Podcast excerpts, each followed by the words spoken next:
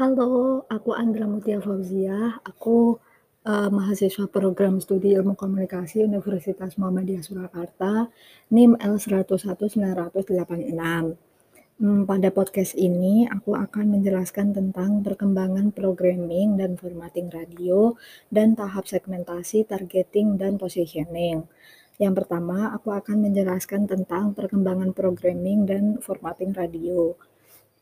Industri penyiaran radio setidaknya bisa dipetakan menjadi dua pasar, yaitu industri penyiaran radio yang berorientasi pada pasar lokal dan industri penyiaran radio yang berorientasi pada pasar internasional. Kebanyakan pendengar radio diidentifikasi sebagai pasar lokal untuk programming radio. Format programming radio bisa merujuk pada perkembangan sejarah radio di Amerika Serikat, terutama dalam konteks bagaimana radio menjalankan fungsi informasi dan hiburan bagi halayak ramai. Menurut Joseph Dominic, pendapatan iklan radio di Amerika Serikat menurun sebanyak 58% pada tahun 1952 sampai 1958. Penurunan tersebut kemudian menjadikan stasiun radio melakukan pembenahan dalam programming. Programming radio yang pertama populer di Amerika Serikat ialah Top 40. Asal pengembang asal pengembangan programming tersebut dimulai sejak Todd Stores mencatat bahwa orang yang datang ke bar suka mendengarkan lagu secara berulang-ulang. Apa yang dilihat Todd Stores kemudian diterapkan pada stasiun radio yang dimilikinya dalam kebijakan programming dan sebagai hasilnya ialah radio Top 40. Secara singkat, seluruh format radio dapat dibedakan menjadi tiga kelompok besar, yaitu format musik, format informasi, dan format khusus. Yang pertama, saya akan menjelaskan tentang format musik. Format musik merupakan format yang paling mudah ditemui di berbagai stasiun radio swasta komersial. Pada masa se sampai sebelum tahun 1970, menentukan aliran atau genre musik merupakan hal yang mudah. Namun, kini menentukan genre musik merupakan hal yang susah. Hal tersebut disebabkan oleh munculnya fenomena percampuran silang atau hybrid dalam aliran musik. Selain itu, munculnya genre baru dalam aliran musik juga menjadi penyebab susahnya menentukan aliran musik.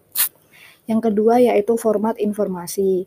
Format informasi dibedakan menjadi dua subformat, yaitu format yang didominasi oleh berita dan format yang didominasi oleh dialog. Yang ketiga yaitu format khusus. Format khusus dapat kita temui di stasiun radio yang bisa ditujukan pada segmen tertentu yaitu segmen yang berbasis etnis atau agama. Sebagai contoh ialah Radio Mentari FM di kota Solo dan MK Radio di beberapa kota. Bagian yang selanjutnya yaitu aku akan menjelaskan tentang segmentasi, targeting, dan positioning.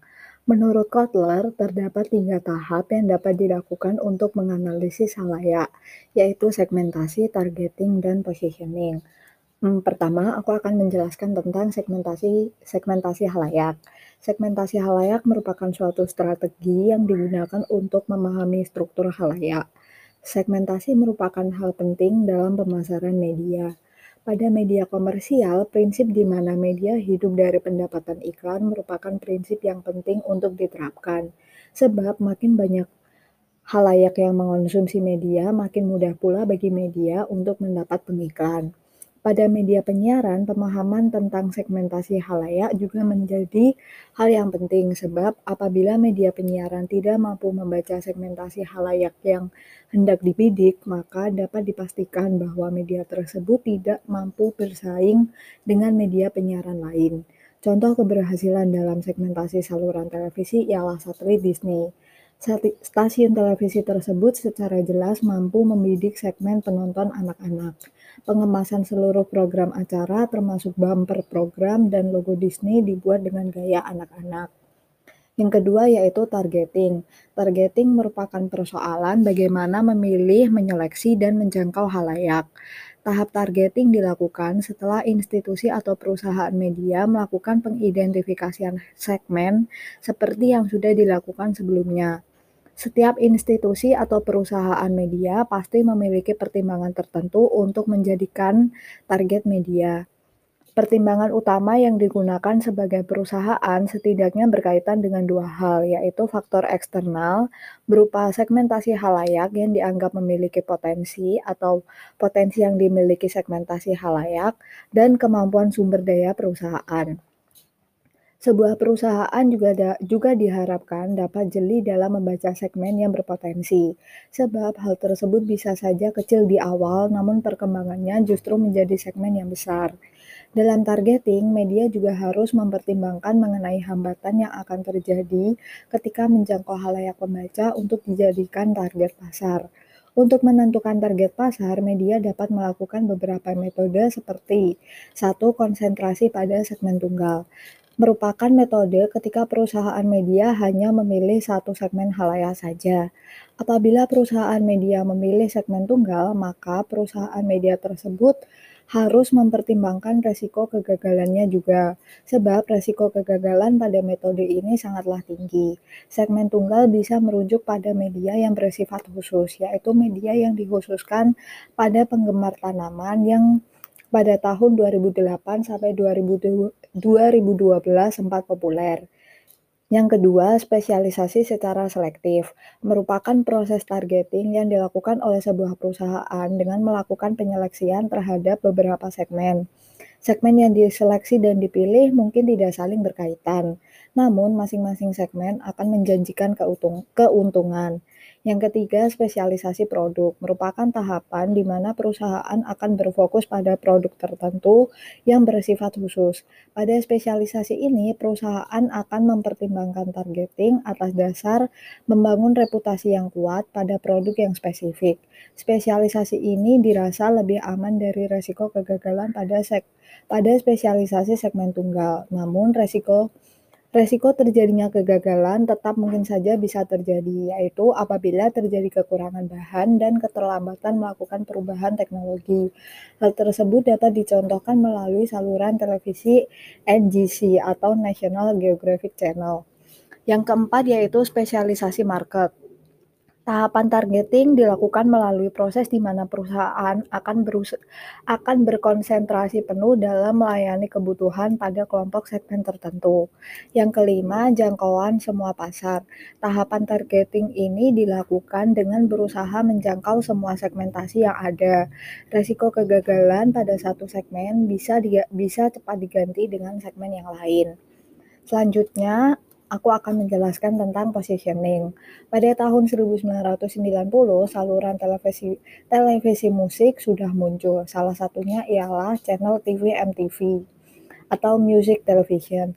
MTV merupakan sebuah saluran televisi satelit yang ditayangkan melalui terestrial global global TV. Stasiun stasiun TV tersebut secara khusus hanya menayangkan video klip yang menjadi ikon favorit anak muda. Produk turunan yang menggunakan ikon MTV antara lain t-shirt. Contoh tersebut memperlihatkan bahwa citra sebuah TV akan melekat pada anak muda. MTV diposisikan sebagai representasi anak muda yang gaul. Contoh tersebut menunjukkan adanya citra tertentu yang terbentuk di benak pemikiran halayak atas media tertentu pula. Kredibilitas merupakan hal penting dalam positioning. Halayak akan aktif apabila selektif dalam memilih sebuah media.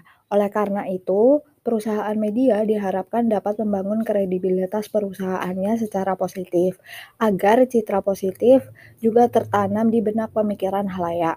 Dengan demikian, positioning dapat dimaknai sebagai kepemilikan tujuan untuk mengakuisisi satu kata yang men yang kemudian menjadi ranking atau peringkat atas produk tertentu pada pemikiran halayak.